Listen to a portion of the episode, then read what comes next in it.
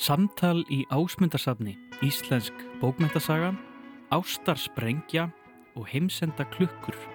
Þetta er allt saman í Víðsjá dagsins. Loftskurður kallast síning Rósu Gísladóttur sem hann nú stendur yfir í ásmundarsafni. Rósa hefur á laungum ferli skapað högmyndir, engum úr gipsi, þar sem að formin tala sínu máli oft á tíðum með vísun í tungumál byggingalistarinnar. Rósa vinnur einmitt með sapnið sjálft sem skúldur á síningunni ásmundarsapni auk þess að undirstryka sína sín á verk ásmundar með eigin högmyndum. Rósa segist að einhverja leiti sjá síninguna sem tónverk með upphafi og endi og við fáum að heyra betur af því hér undir lokþáttar. 19. februar síðastliðin opnaði síning á verkum Ásmundar Ásmundssonar myndlistamanns í nýtilkomnu myndlistagalleri í Gravarvogi í Reykjavík. Kaffi Písja. Ásmundur hefur verið búsettur í Oslo í Noregi síðustu ár en snýr nú til Íslands með sína fyrstu síningu hér á landi í tíu ár. Í Písju hanga teikningar Ásmundar þar sem koma við sögu ímis ták sem bæði vísa í samtíman og söguna og undir tifar heimsenda klukkan. Við lítum inn í P7 í Vísjá í dag. Og við fáum að heyra umsögn Gretu Sigriðar Einarstóttur á setni hluta nýrar bókmyndasögu sem við Íslenska bókmyndafélag gaf nýver út. Íslenskar bókmyndir, saga og samhengi. En við byrjum þáttinn í dag á því að ringja í Galleri Open við Grandagarði í Reykjavík. Þar sem forvitnileg síning fer fram um helgina Örn Alexander Ámundarsson er einn af listamennunum sem reka Open og við heyrðum í honum nú rétt í þessu.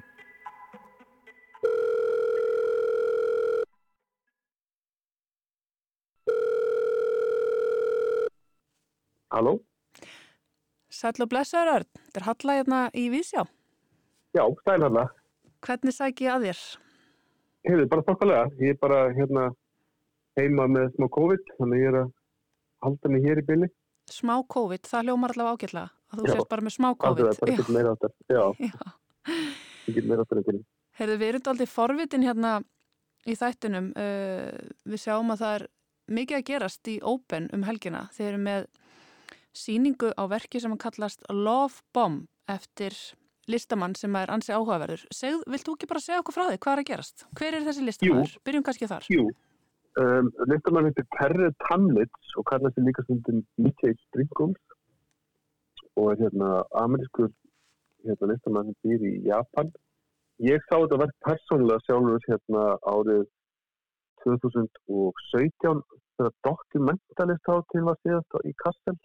Það fannst með þetta að vera eitt af verkar sem einhvern veginn sem ég fannst alltaf að standa upp úr af þeirri risa hátil og þetta er vítjuverk sem er tæp og klukkutími og fer svona ansið í það, sko, Terry Kamlet, DJ Springum sem þú kallar stundum, er, er raun og svona mikið þekktur bara sem tónlistamæður og verkið er, er raun og líka til sem tónverk, þetta er svona erfitt að lýsa þessu verki, sko, þetta er svona, svona fragmenterað, þannig að þetta er í nokkrum hlutum og hérna, já, og fer við það, ég veit ekki alveg hvernig ég á, hérna, í rauninni best að koma og sjá það sko ef að hérna mm -hmm. og í rauninu upplifa það og heyra það já þetta er, er mjög mikil upplifun og hérna hann er sem sagt kemur frá hérna Missouri Springfield Missouri og fjallar hérna um ákveðnum viðbyrðis mátu sem stað þar í það byrjum síðustu aldar hérna hengingar hengingar sem fór saman bara torkið þar og hvernig er díla við það í dag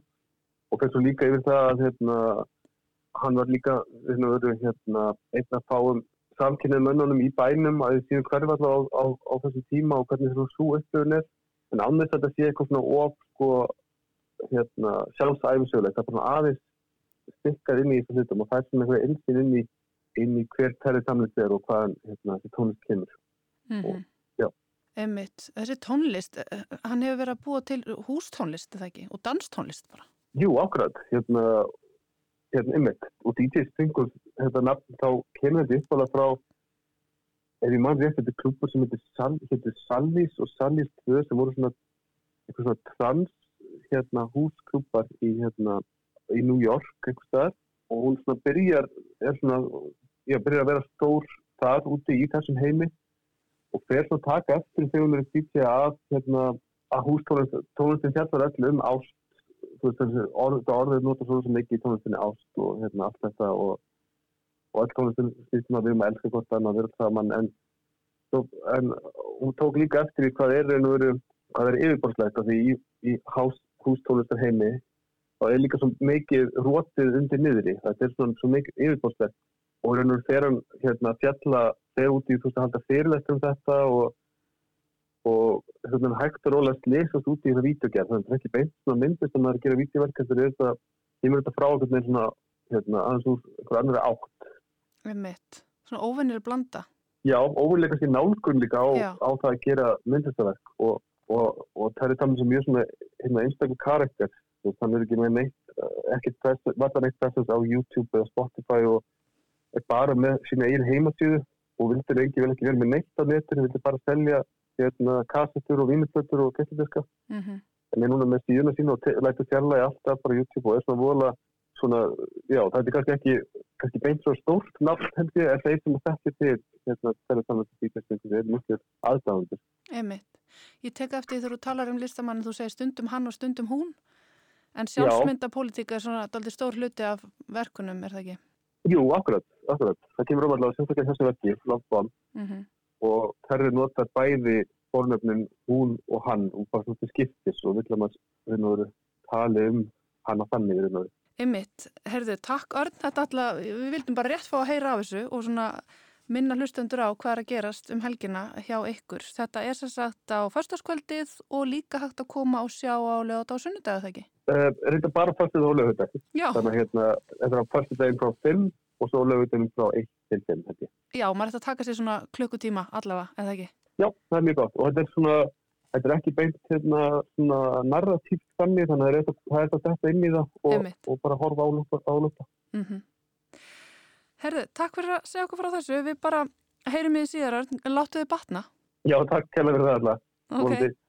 Ok, Já. bye bye. Bless.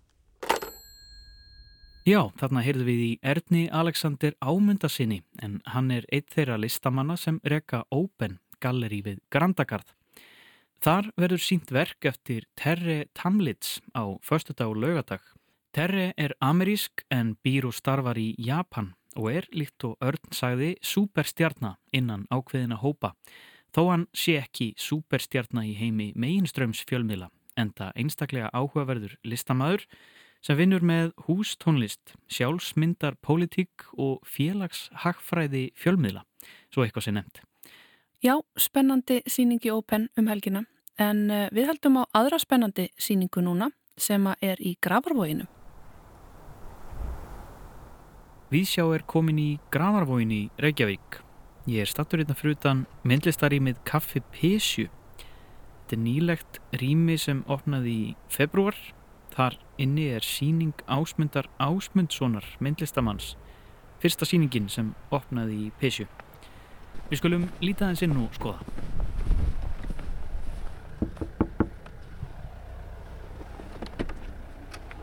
Blessaður. Góðan daginn. Á móti mér tóku félagarnir Brynjar Helgason, einn aðstandanda Pissju og hundurinn Máni. Hæ, hvað sé þið?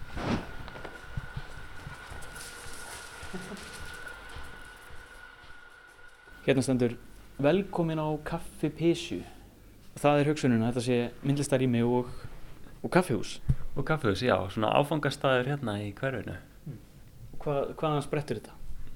kannski af bara þörf fyrir myndlistarými og kaffehús í, í, í körfi já, já, þetta er tvent og, hver, og hvert stefnir þetta? Svona, hva, hvert er markmiðið?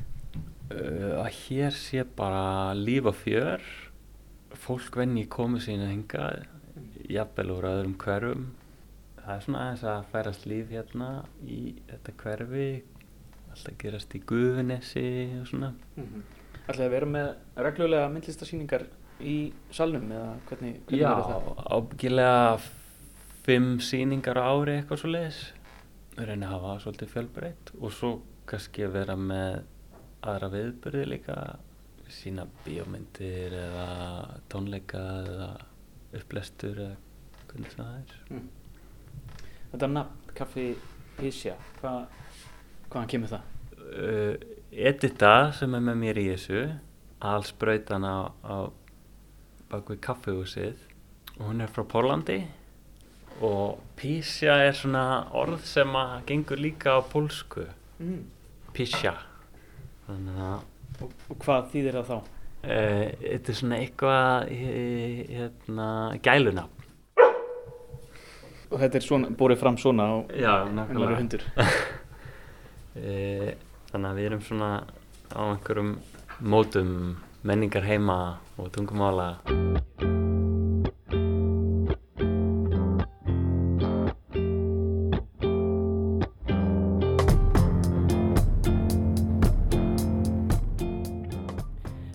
Áður en maður kemur að kaffihúsinu á kaffipissju gengum maður í gegnum síningu ásmundar Ásmundssonar í stóru aðalrýminu þar er hátt til lofts og vítt til veggja hanga margar teikningar eftir Ásmund. Hvernig er þessu ræðað upp? Hvað, hvað er svona, er eitthvað svona, eitthvað leið í gegn hérna?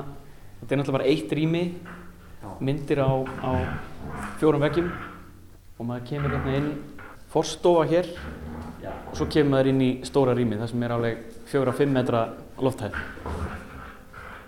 Og maður bara standi í miðunni og fara í ringi. Já, já. Eitthvað svo leiðis. Þetta er hérna, þetta eru svona domstagsklukkan hérna, kaldastriðis moment. Já, það er hérna, hún er hvað, 500 í 12 í dag. Já, eitthvað svo leiðis, já. Svo hérna er hún sko, hérna, akkurat á miðnætti líka og fimm mínútur yfir. Já, þetta er hérna tíminn í kringum heimsenda. Já. Já.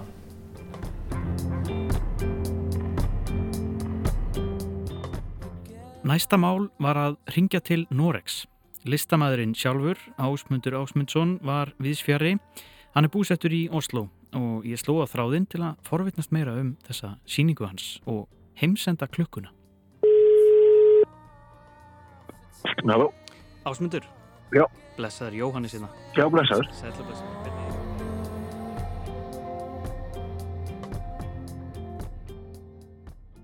Herðu, ég var í Grafhóinum í morgun. Já, Fór þarna á Kaffi Pissu, skoða síninguna þína. Ég, ég með mjög marga spurningar um öll þessi tákn og allar þessar myndir, en, en viltu kannski byrja því að segja mér aðeins bara hvernig þessi síning kom til? já, sýningin kom þannig til að, að hérna, að Brynjar sem er einn af þeim sem að standa að tísju, hafði samband við mig og spurði hvort ég vilti sína og, uh, og ég var með svona ýmsar hugmyndir um uh, að uh, hefði verið hægt að sína en, en við vorum sammála um það að sína þessar teikningar sem ég er búin að vera að vinna mest síðustu tveimur árum en, en það eru, eru teikningar hana líka sem eru ja, tí, tíu ára gamlar og, og hérna, en flestar eru sagt, nýjar. Og það er mynda ákveðna heild. Já, já, það mynda, já, það mynda einhvers konar heild, það er koma úr ymsum áttum þessar myndir en, en hérna, já, mynda ákveðna heild og svona í ljósi hérna atbyrða í, í Östur-Európu að þá, þá einhvern veginn, þá einhvern veginn smellur þetta, smellur þetta saman. Og maður svona, það vakna mjög uh, svona, já, svolítið alvarlega spurningar um, um samfélagið og, og stöðu mannkynns. Já, akkurat. Það er kannski svona grunn, grunnstefið í, í þessar síningu er, er heimsenda klukkan. Það er svona klukka sem er gefin út á nokkur ára fresti er, er sagt, hugmyndinu svo að á miðnætti þá er heimsend. Og í janúar var klukkan stilt á 100 sekundur í, í miðnætti. Þannig að við höfum aldrei verið nær, samkvæmt þessari heimsenda klukku, þá höfum við aldrei verið nær heimsendi en akkurat núna og sennilega ef hún hefði verið stilt í, í síðustu viku þá var hann kannski ennþá nær en ekki. Þetta er svona kannski miðja síningarinnar er þessi, þessi heimsenda klukka og ég er með þrjár útgáður af henni ég er með eina sem er 100 sekundur í miðnætti það sem er, er stödd núna, þá er með miðnætti og síðan er með aðra sem er 100 sekundur yfir miðnætti þannig að það er ákveðin svona von í þessu líka því að, hérna, að það sé líf eftir heimsenda. En það eru ónættanlega heimsendir í loftinu og síningin er ekki að spá heimsenda en, en það, er, það er allir með heimsenda baku eira þess að dagana. Og það er svona óhjákvæmilegt að, að skoða síninguna með þetta í huga. Og, og einhvern veginn uh, já, það, myndirnar eru ólíkum áttum en, en á einhvern hátt að tengjast þessum atbyrðum, bæði meðvitað og ómeðvitað. Infrastructure will collapse.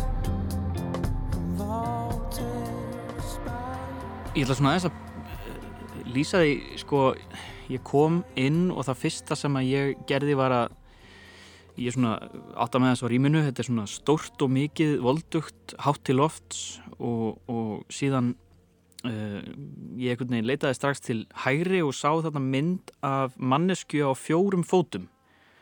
Og þú ert að tala um stórar hugmyndir, eh, heimsenda og svona, já svona svolítið óljósar hugmyndir og, en, en samt svo veraldlegar eins og segir á óþægilegan hátt. En, en þarna var uh, manneskja og, og þegar maður sé manneskja fjórum fótum þá hugsa maður strax einhvers konar uppgjöf eða, eða svona undirgefni eða og þarna er líka manneskjan undir bara sem, sem einstaklingar. Já, þetta er ömmitt þetta er bara manneskja sem er ömmitt í einhvers konar, konar uppgjöf uh, alveg búin á því. Og það eru fleiri myndir af þessu uh, fólki sem er svona hjánum en, en þessi, sérstaklega þessi mynd sem þú ert að tala um, hún, það er svona það er mesta svona uppgefin í himni það er eins og hinnir sem er á hjánum þeir eru búin að raða sér upp í píramíta það er eins og þeir séu ennþá í þeirri stöðu þeir eru ennþá að reyna að vera eitthvað svona klappstýrur fyrir eitthvað ástand. En, uh, en, en þessi er ekki lengur klapp, klappstýra þessi, þessi manneski sem þú ert að tala um. Þessi, hún er algjörlega, algjörlega búin á því. En ég hugsaði mitt þetta í samhengi. Þannig er manneskja á fjórum fótum og hún er uppgefin en, en í sko, fleiri manneskjur í sömu stöðu raðaður upp í píramíta þá fekk maður einhvern veginn í ákvæðari mynd einhvern, einhvern leik eða samstöðu og, og þar kom allt öðruvísi tákn upp í, upp í hugan. Já, ég er algjörlega samála því en mér finnst þó þessi klappstýru stemmingu er að svona eins og ég sé hana er hún frekar ístíkileg það er ekki svona, þetta er ekki gladara klappstýr, það er meira svona eins og þessu ég veit það ekki á valdi ekki, ekki, ekki að eigin vilja að taka þátt í að, að hérna, vera klappstýrur fyrir eitthvað, þetta er meira eins og þessu já, einhvers konar einhvers konar þrælar, eiginlega. Þá vissulega vil ég ekki gera fyrir lítið úr að það sé ákveðin ákveðin sko gladværð og, og hérna og svona lífskraftur í, í síningunni það ég held að það sé alveg líka. Sumar myndir eru eh, hlaðintákn og, og vísa í söguna, til dæmis eh, hérna, öksinn eh, sem að maður tengi við fasisma og örnin sem að maður tengi við nazisma. Það eru svona stórar, stórir hugmyndaströymar sem kom upp í hugan bara með einni, einni mynd, einu tákni. Tengist þetta allt þessum heimsenda að það eru hugmyndaöfl sem að vaka yfir okkur eða undir okkur? Já, með ekki segja það og, hérna, og þetta sem múrt að vísi er sem sagt, það sem er kallað fases eða, eða hérna, þessi vöndur sem er tákn þess sem hefur sko valdið. Og þetta er orðið fasismi er dreyið af þessu, þessum, þessum vendi, þetta er rómvest, gammalt rómvest tákn. Þetta er á peningasælum og þetta er, á, þetta er í, í þinghúsum og þetta er, já, þess sem, það, svo sem er með valdið, hann, hann hefur þetta tákn. Og svo á móti er ég með sagt, eh, mynd sem er svona lík þeirri mynd er, er, er verkfæri sem er svona steinaldaverkfæri mm. sem er þá kallast á við það er svona ákveðna anstæður þetta er bá, báðar, þetta er svona exil en önnur er svona frumstætt verkfæri meðan hitt er svona táknum um vald Ertu mikill áhuga maður um söguna og að leita, í, leita til hennar til að finna, finna svör og, og samsvörun? Já, svona einhver leiti, en þetta er svona, já, ég, já, ég geti sagt það. Þetta er hérna, já, þetta er svona einhver tilrönd til þess að bara myndgreina samtíman og samfélagið sem við búum á.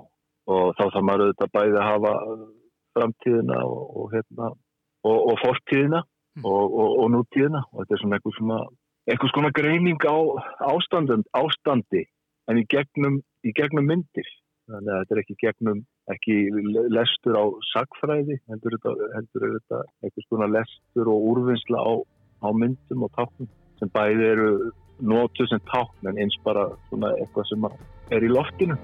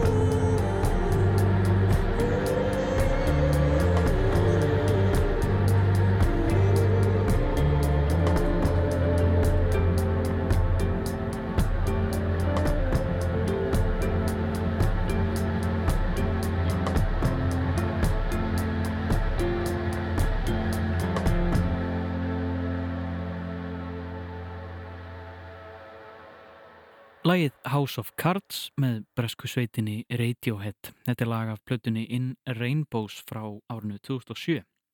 Þar áður var fjallaðum myndlistasýningu Ásmundar Ásmundssonar í kaffi Pesju í Grafvænum.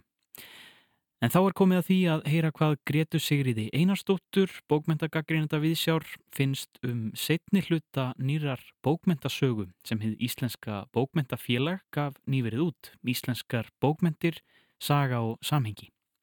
Í síðustu viku fjallaði ég um fyrra bindi íslenskra bókmenta, saga og samhengi. Í þessari viku las ég setna bindið, þar sem tekur fyrir tímabilið frá miðri átjöndu öld og fram til okkar daga. Aftur fjalla þrýr höfundar um hvert tímabil fyrir sig, hver með sínu nefi. Í fyrsta hlutanum skrifar Sveinn Yngvi Egilson um upplýsingaröldina og romantíska tíman. Því næst tekur Jóningvi Jóhansson við og fjallar um fyrir hluta 20. aldarinnar og fram á 7. áratug. Að lokum tekur Ásta Kristín Benediktsdóttir fyrir síðustu 50 ár í bókmyndasögu Íslands.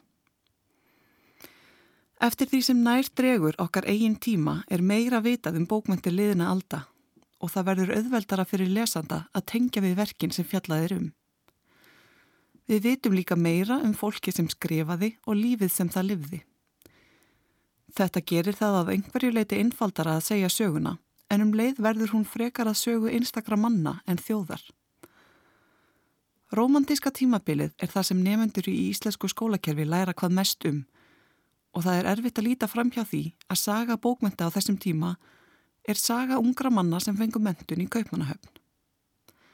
Bókmentasagan sem skrifið er í þessu nýja hefti er í samtali við þær útgáfur sem út hafa komið áður og líklegt er að lesendur, sérstaklega þeir sem yngri eru, hafi þurft að læra utanbókar nefnin á fjölnismönnum, verðandi mönnum og öðrum mönnum sem komið með nýja ströyma frá Evrópu til Íslands.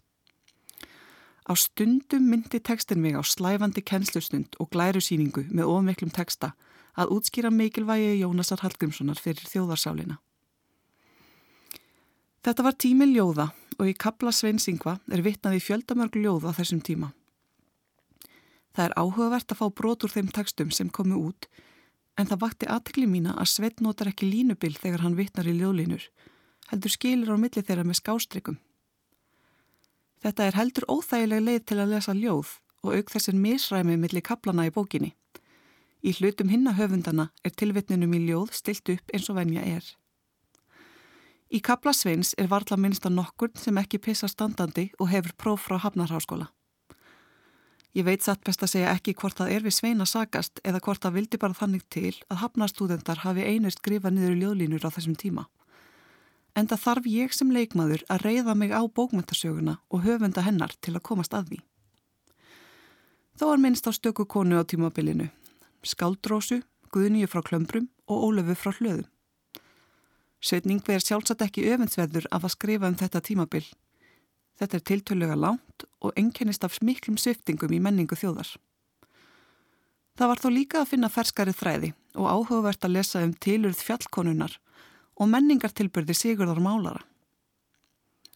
Jóningvi Jóhansson tekur upp þráðinn þegar Ísland fær heimastjórn.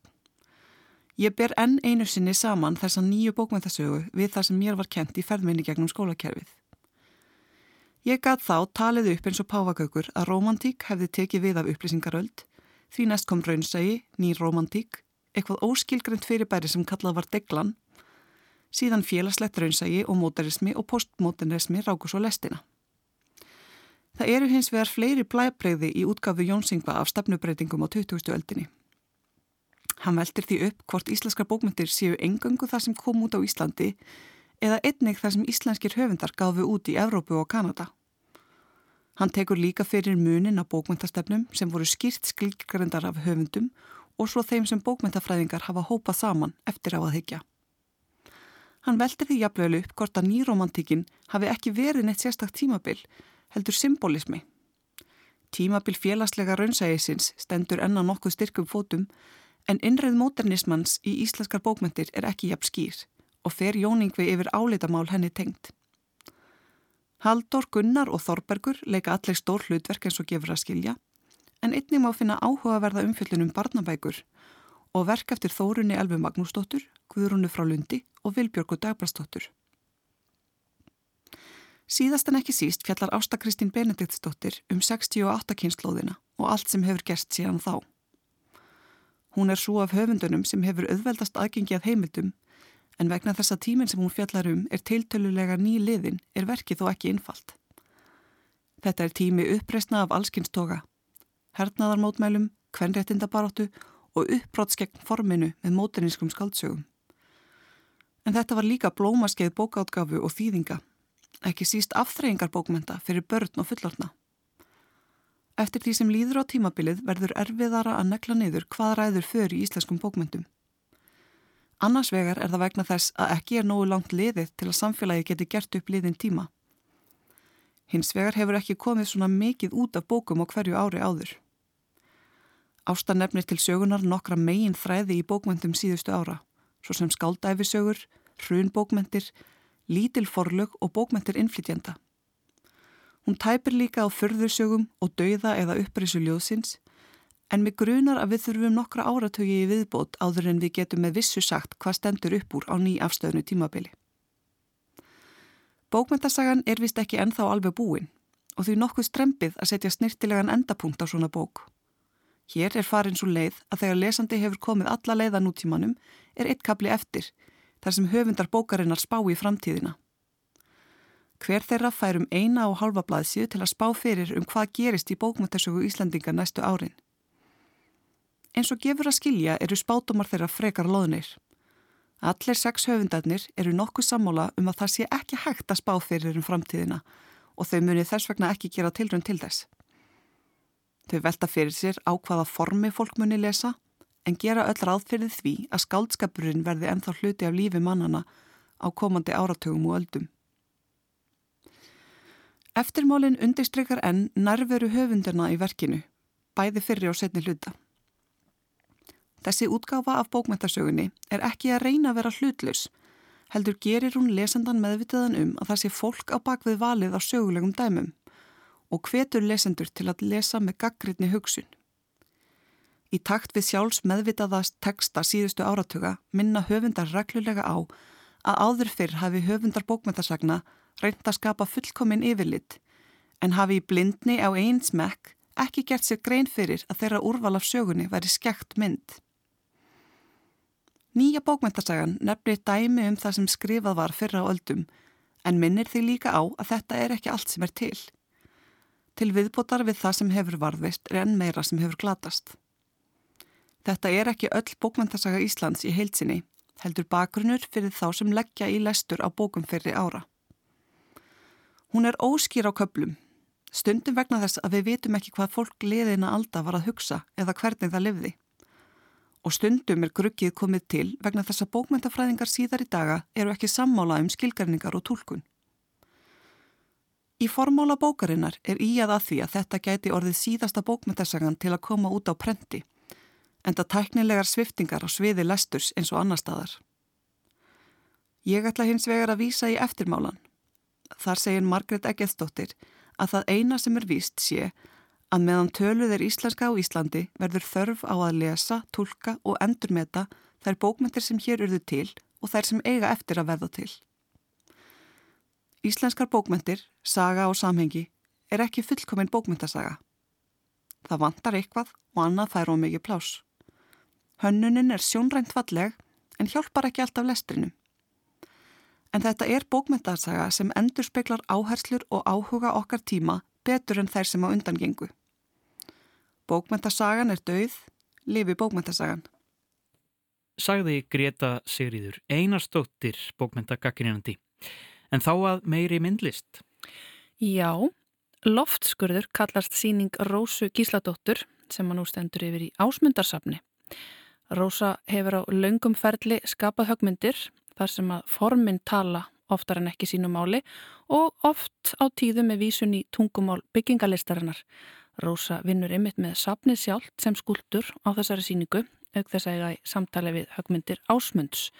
Við höldum núna í sigtónið og heyrum hvað Rósa hefur um þetta samtal að segja. Rósa, gaman að hitta þig hérna, svona það fyrsta, í fyrsta lagi, þetta hús, þetta er svo magnað, það er alltaf jafn magnað að koma hérna inn.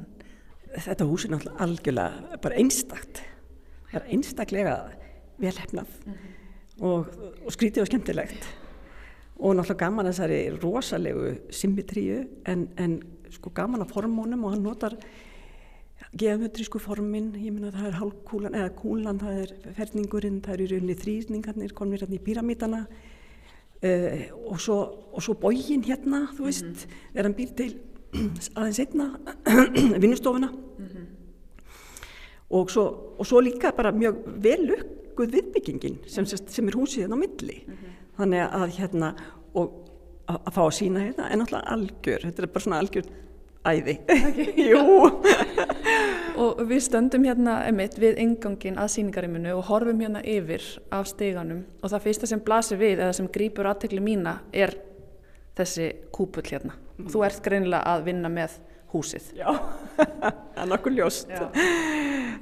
verkið heitir öfug hálkúlu kvelving um, eins og hann kallar þetta hann kallar þetta hálfkúlu kvelvingu eitthvað staðar. Og, og hérna eh, sko þetta, þetta, þetta form eða þetta hús eða þessi skál eða ég veit ekki allt þetta, þessi kvelving þarna uppi hefur alltaf höfða svona til mín eins og örgla mjög margra þú veist, maður er svona spekulir í þessu. Og það sem mér fannst kannski það sem ég var alltaf að spekulir í voru eiginlega glugganir hvort það gæti verið að þeir væru allir jafnstórir og þetta væri bara fjárvíti sem gerða, litur mann ímynda sér að þeir minguðu upp. Já, Þannig að það var svona eitt af þessu sem að ég hérna, hafði svona mikið áhuga á að vita sko, hvernig virkaði og, og fannst mjög gaman að fara allan hennan leiðangur, mæla, fara upp, mæla gólfið, mæla upp hæð, lofthæðina, mæla gluggana, stærðin á þeim. Og hérna til þess að reyna að fá reyna að geta gert svona um það bil alveg rétta rétt mótil eða rétta hérna rétt, réttar stærðir af því allavega. Og, og svo var þetta nú eiginlega bara þannig að ég var búin að gera verkið sem er þarna á móti og, og hérna um, sem er svona, svona eins og hjól eða ringur og við getum þessi komið samt betur að því að eftir en allavega var stærðin sko sem sagt hæðin á því er einn hérna einn eh, fjörði af hæðinni á, á halkúlinu uppi þess að þvermálið af henni já fyrir þau og þannig að ég nota, varði í raunin að nota sama þvermálið á bæði þessi verk, það, það er 1.90 mm -hmm. þannig að hérna af því að það er sagt, þvermálið á gólfinu upp er 7,6 en kvelvingin er sagt, það eru fjóri metrar upp mm. þannig að er rauninni, þetta er ekki alveg hálkúla þetta er aðeins meira svona kvelving Þetta hefur verið ákveðin rannsóknar leiðangur. Þetta var svolítið rannsóknar leiðangur, já. já, það verður að segjast. Þetta er alltaf eins og, einmitt, göngum hérna niður stegan að vinnustofunni sem búið að setja einu upp. Þetta er alltaf eins og horfa ofan í skál hérna, stóra, þunga, já. massífa skál. Já, já, það er það. Og hérna, já, ég var bara líka þegar að sagt, þetta, þessi hugsun kom, sagt, að ég veit ekki, svo fannst mér líka svo áhugavert, það er alltaf svo bjart uppi, svo bjart uppi í þessi gluggar búa til mikla byrtu uppi á vinnustofunans sem var. En þegar það er búið snúni við þá sérðu hvað kemur lítil byrta út um Einmitt. þannig að, að svona, mér fannst þetta eitthvað líka ég veit ekki alveg hvað hvernig maður á að skilja þessa eðlisvæði en allavega þá hérna uh, fannst mér þetta líka svo eitthvað áhugavert, Hva, bara það að snúa einhverju formi við, það breytir það öllu, það breytir allir hugmyndafræði öllu, í rauninni frá því að vera kvelving, er það ekki eitthvað svona kirkjulegt, eitthvað hátilegt, eitthvað trúarlegt. Og í það verða skál og þá er það orðið bara forðabúrir það sem þú borðar, sko. Rósa, þetta er auðvitað ekki fyrsta sinn sem þú vinnur með tungumál byggingalistarinnar, þetta er eitthvað sem hefur heilað þig lengi. Já, ég er, er svolítið hérna uh, hef svolítið áhuga á, á hérna, byggingalist og, og já, bara sérstökum húsum svona, eins og hérna, um, þegar ég síndi þetta í Berg til dæmis, það voru, gerði ég hérna, þá fjalli alveg fyrir glukkonum hjá einbílishúsi Konstantins Melnikovs sem var hérna eh, einn af konstruktivistunum, arkitekt og, og bjóð sér til hús sem var eins og tveir sívalífturnar hlið við hlið mm -hmm. með þessum ótrúlega sérstöku glöggum, sexindu glöggum mm -hmm. og mér fannst áhugavert að vita hvernig þessi gluggar virkuðu, þú veist hvernig maður opnaði það sérstaklega aðra tegundin það voru þrjár tegundir en svo er svo heppin að lenda í því að, að hérna ok, maður minn var að fara úr ástefnu í Moskvu um þetta leiti sem ég var að spá í þetta og við gáttum fengið að fara inn í, ég kom fór með honum og fekk að fara inn í húsið og, og taka myndir og skoða klukkana og þá bara opnast ykkur galdur. Þannig að það var Já. ótrúlega, ótrúlega áhugavert. Og hinga ertu komin í glukkana hér Já, í húsi ásmundar. Já, ég greinilega með eitthvað hérna æði fyrir glukkum Herðu, hér gungum við bara inn á vinnustofu. Já, mér fannst voða hérna þegar þetta kom upp sko og við vorum að tala um sagt, að sína hérna er það einhvers konar stefnumót eða samsýning eða eitthvað með ásmundi sem ég finnst mjög skemmtilegt konsept fyrir þetta hús. Það bæði einhvern veginn heldur hans, uh, er, uh, hvað ég að segja, hans verkum á, uh, þú veist, í umræðunni sem er um, mjög nútímaleg mörg alveg ótrúlega og hafa elst vel og hérna og líka bara einhvern veginn skemmtilegt að, að hérna munstra sig við einhvern eldri listamann eins og hann sko og ég hef kannski líka eh, við hefum eitthvað sameinlegt, ég veit ekki hvaða form, kannski auðvitað symmetrían og það er svona ýmislegt sem við tengir okkur sko mm -hmm. en hérna þannig að mér fannst eitthvað áhugavert við að þú veist ég hafi séð brotað þessari vinnustofu í öðrum píramítanum sem var hérna fyrir nokkrum árum svona standandi síning lítil og þess vegna fannst mér eitthvað svo voða skemmtilegt að, að, hérna, að uh, setja vinnustofuna upp og, og, og kallast það á í mína vinnustofu. Mm -hmm.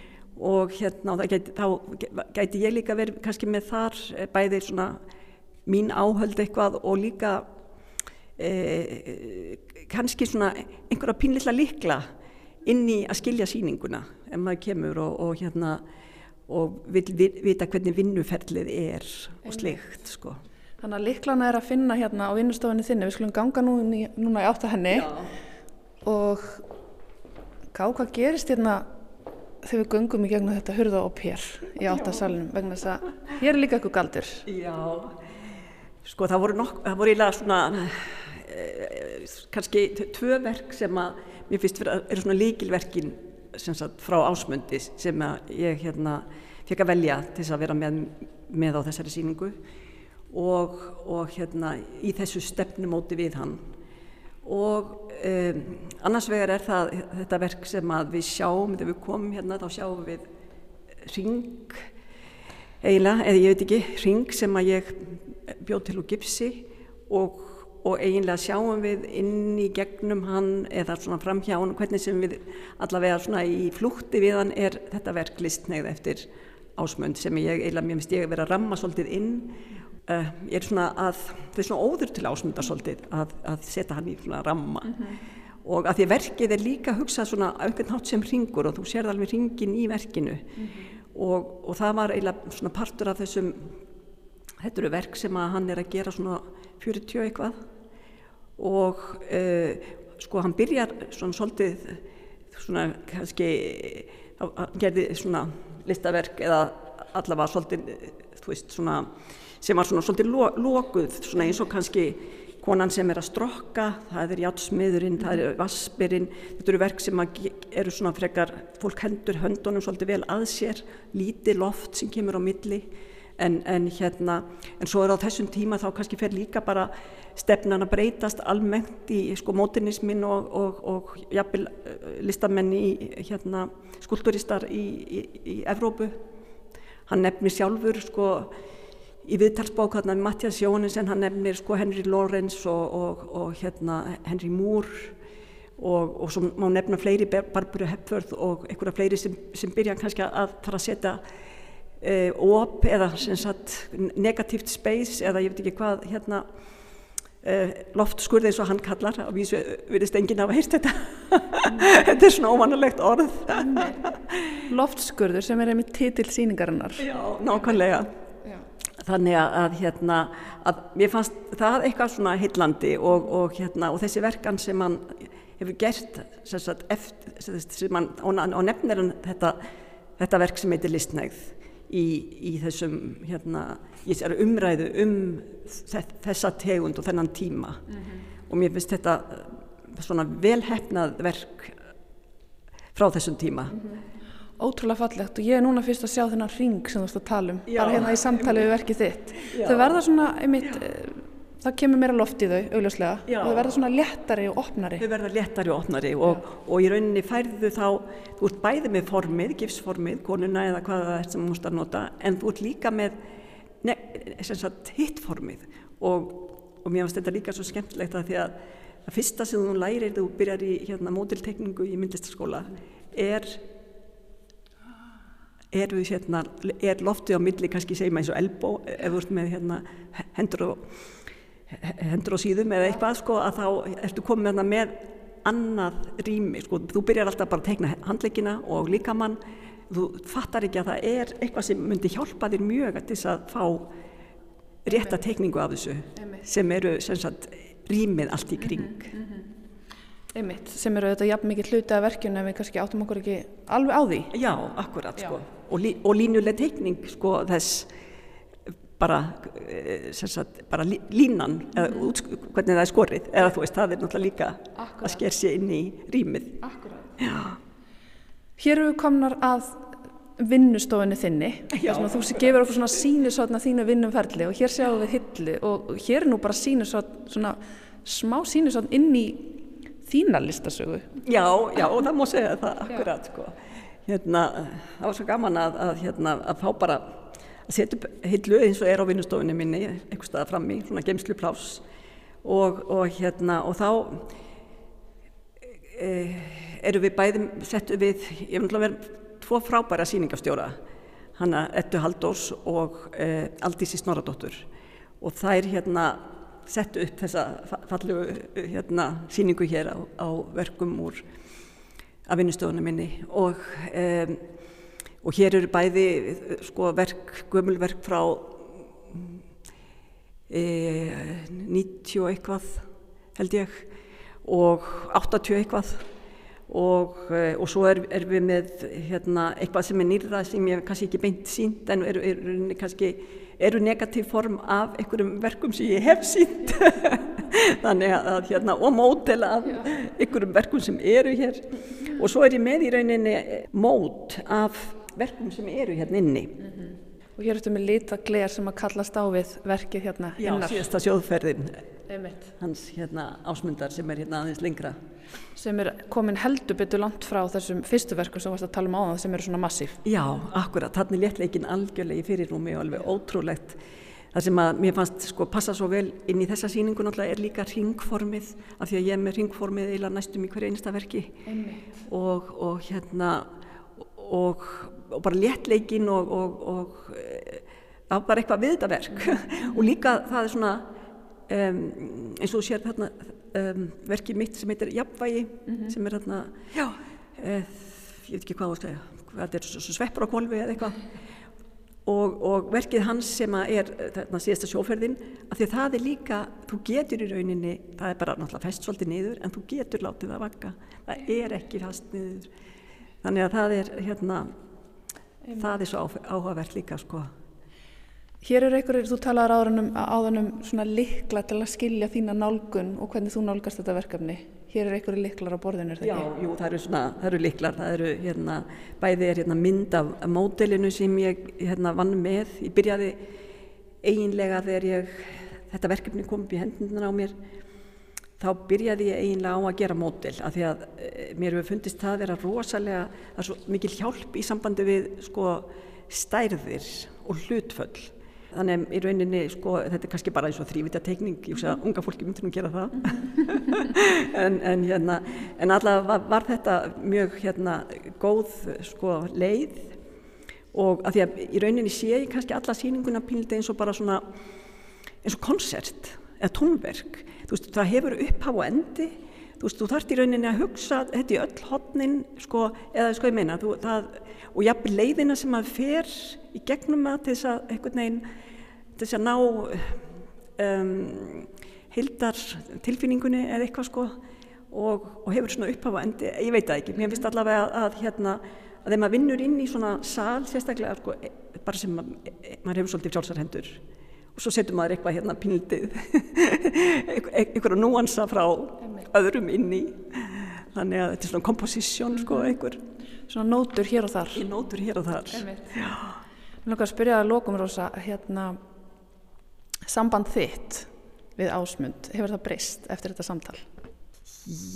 Já og nei. Mér finnst ég auðvitað svolítið nánari honum en, en hérna ég, já, mér finnst það raunar en það er kannski líka því að, að hérna, mér finnst ég að fengi að kynnast verkum eftir hann sem að ég eiginlega svona hafði, hafði ekki þekkt neitt mikið fyrirfram eins og segjum eins og þetta verk það er ekkit mjög áberandi mm. og líka að stundum að kemur á síningar eða, eða er að flett kannski með einhverjum listamanni það hafi verið mjög flotta síningar hérna ótrúlega en, en maður kannski kemur svolítið mikið til þess að horfa á nýju síninguna mm. Þannig að maður er ekki kannski maður svona eh, finnst kannski pínlita eins og verkin hans ég er svona í bakgrunni. Þannig að en þetta er bara tilfinning, þú veist. Ekki, já. En allavega þá finnst mér mjög gaman að hérna að hafa bara verk, hafa þetta fáverk en, en láta þau svona píliti fá að njóta sín. Mm -hmm, mm -hmm. og svona að því að mér finnst við eiga pínu samtal að þá er einhvern veginn svona gott að að, eh, að þau sjáist vel og mín verk sjáist vel -hmm. Það er mikið samtali gangi hérna hérna, þú talar um ferðalag með uppáendi Já eins og tónverk hvar, hvar líkur þessu ferðalagi? Já, akkurat. Því, já, því líkur kannski, um, já, mér finnst kannski mað, mað, maður fá svolítið lokapunkt þegar maður kemur hérna tilbaka og sér þess að súlu og líka þetta fallega verk hans hérna, náttúruöflin sem er hérna við hliðin á. Uh, Þarna eru, þú veist, öll þessi frumform það er, þú veist, sem að hann nota svo mikið, ringurinn og þrýrningurinn og, og það allt og svo þegar maður fyrir að skoða þessa súlu betur þá sér maður að, þetta eru kunnulega form og, og, og ég er eiginlega búin að þetta var svona síðasta verkið sem ég, ég ákvað að yrði ásýningunni af þessum verkun sem ég gerði hérna. Og, og hérna þannig að mér finnst þetta að vera svona þetta er svona svolítið endapunkturinn sko. Þetta er allt húsið búið að brjóta það niður og, og byggja það upp nýju svolítið á annan hátt. En, en allavega eru þetta svo ótrúlega sko fín form og veist, einhvern veginn afstæðir að til hvers annars og allt þetta í sjálfu sér er svo perfekt að þetta er nú bara svolítið, svolítið djók sko Djók? Æ, þú veist maður er að hafa svolítið gaman Gaman enda hér með Rosa, þetta var frábær leðsögnum síninguna, takk fyrir spjallið og til hafmyggi með loftskurð. Já, takk að þessum leiðis.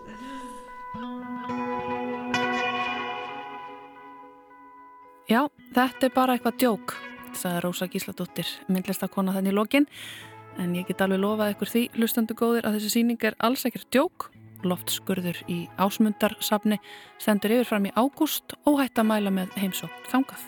Já, en það er ekki djók að viðsjá er komin á enda, við verðum hér aftur á sama tíma á morgun. Takk fyrir samfélgina og verðið sæl.